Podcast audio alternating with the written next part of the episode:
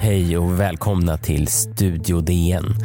Det här var året när vi hade val i Sverige men inte fick någon regering.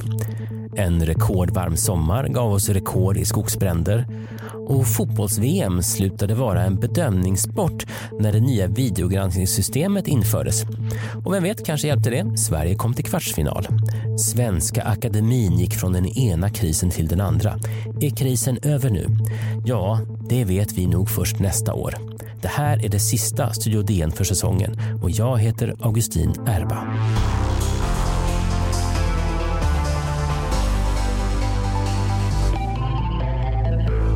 Ja, det är ju inte riktigt sant att det här är det sista Studio DN för säsongen för vi kommer faktiskt med fyra stycken Studio DN special i mellandagarna. Eh, och det är ju förstås för att ni inte ni ska längta efter oss alldeles för mycket. Eh, det här med att vi är en podd som försöker prata om det som har hänt under veckan, det gör ju att det kan bli lite tråkigt att lyssna på gamla avsnitt. De kan lätt kännas överspelade.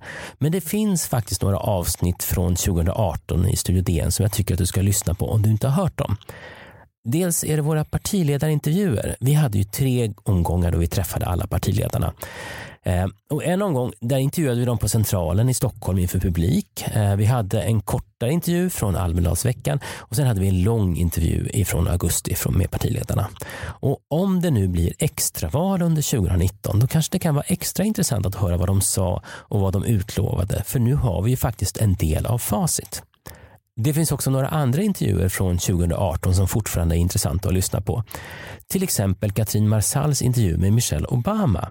Hon hade nämligen precis kommit ut med en bok. Having gone through 10 years uh, of campaigning and being in the White House, as I, I wrote, there was rarely time to reflect on all that happened. You just get to the end of a day and you forget what happened in that day. I mean, our days were just packed. En annan storstjärna som vi fick en intervju med var Zlatan Ibrahimovic. Och här är det Johar Bendjelloul som träffar honom. Var, eh, när matcherna gick, när jag inte gjorde mål och de bara lyssnade, det började bli bråttom för deadlinen var ett visst datum. Det kommer, det kommer sa jag, det kommer. För jag hade lovat dem, det blir 500. Och så när den slog in och då bara började alla Zlatan Ibrahimovic och Michelle Obama och sen så träffade också Måns Mosesson mansprofeten Jordan B. Peterson. Eh, och eh, Peterson han hade förstås en hel del synpunkter på jämställdheten i Sverige. Well, I don't know really if we should be worried about the feminization of men, although I think the doctrine that men should be feminized is an absolutely absurd doctrine. First of all, we have no idea how to do it. It's not like we feminize women. Women are feminine compared to men. Jordan B. Peterson här sist i de exempel på intervjuer som fortfarande är värda att lyssna på, som inte har tappat sin aktualitet. Det tycker jag du ska göra.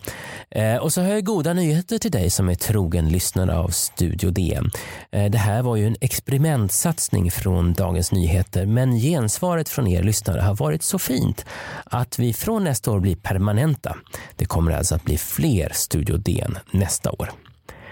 Men det är inte bara Studio DN som poddas härifrån DN och Bauer Media. Vi gör också DN Scoop. Det är en dokumentärsatsning som handlar om händelserna som förändrade Sverige. Där Eli fajvar vid nyhetsskeden och först ut var historien om regeringskris och hemliga agenter. De finns där poddar finns om du söker på DN Scoop. Alexandra Urisman Otto programleder den. DN Scoop. Jag heter Alexandra Urisman Otto. Dagens Nyheter avslöjar. Avsnitt 1. Transportstyrelsen. Skopet. Får jag, har jag först höra två minuter? Absolut. Jag fick en test i min mail ja. som är helt jävla sjuk. Och sen har vi förstås också Kulturkommissionen. Och här är det Hanna Fahl, Greta Thurfjell och Kristoffer Ahlström som pratar om film eller tv-serier eller en text som de blev engagerade i. Idag ska vi tala om en spektakulär artikel om Girls-skaparen Lina Dunham och en eh, text om henne i The Cut. Mm.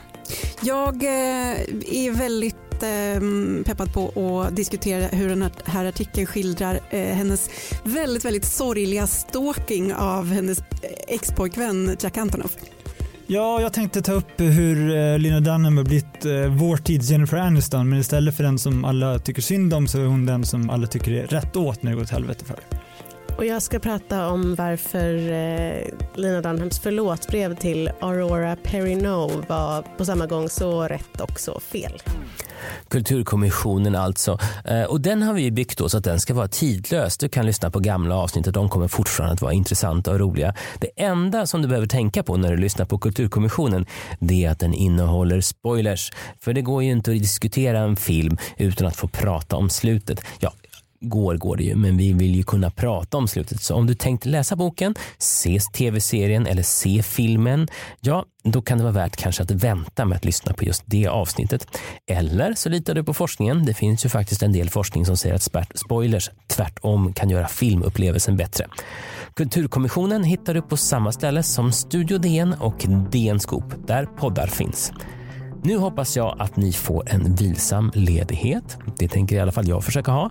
Vi hörs i mellandagarna. Studio DN är ett samarbete mellan Bauer Media och Dagens Nyheter.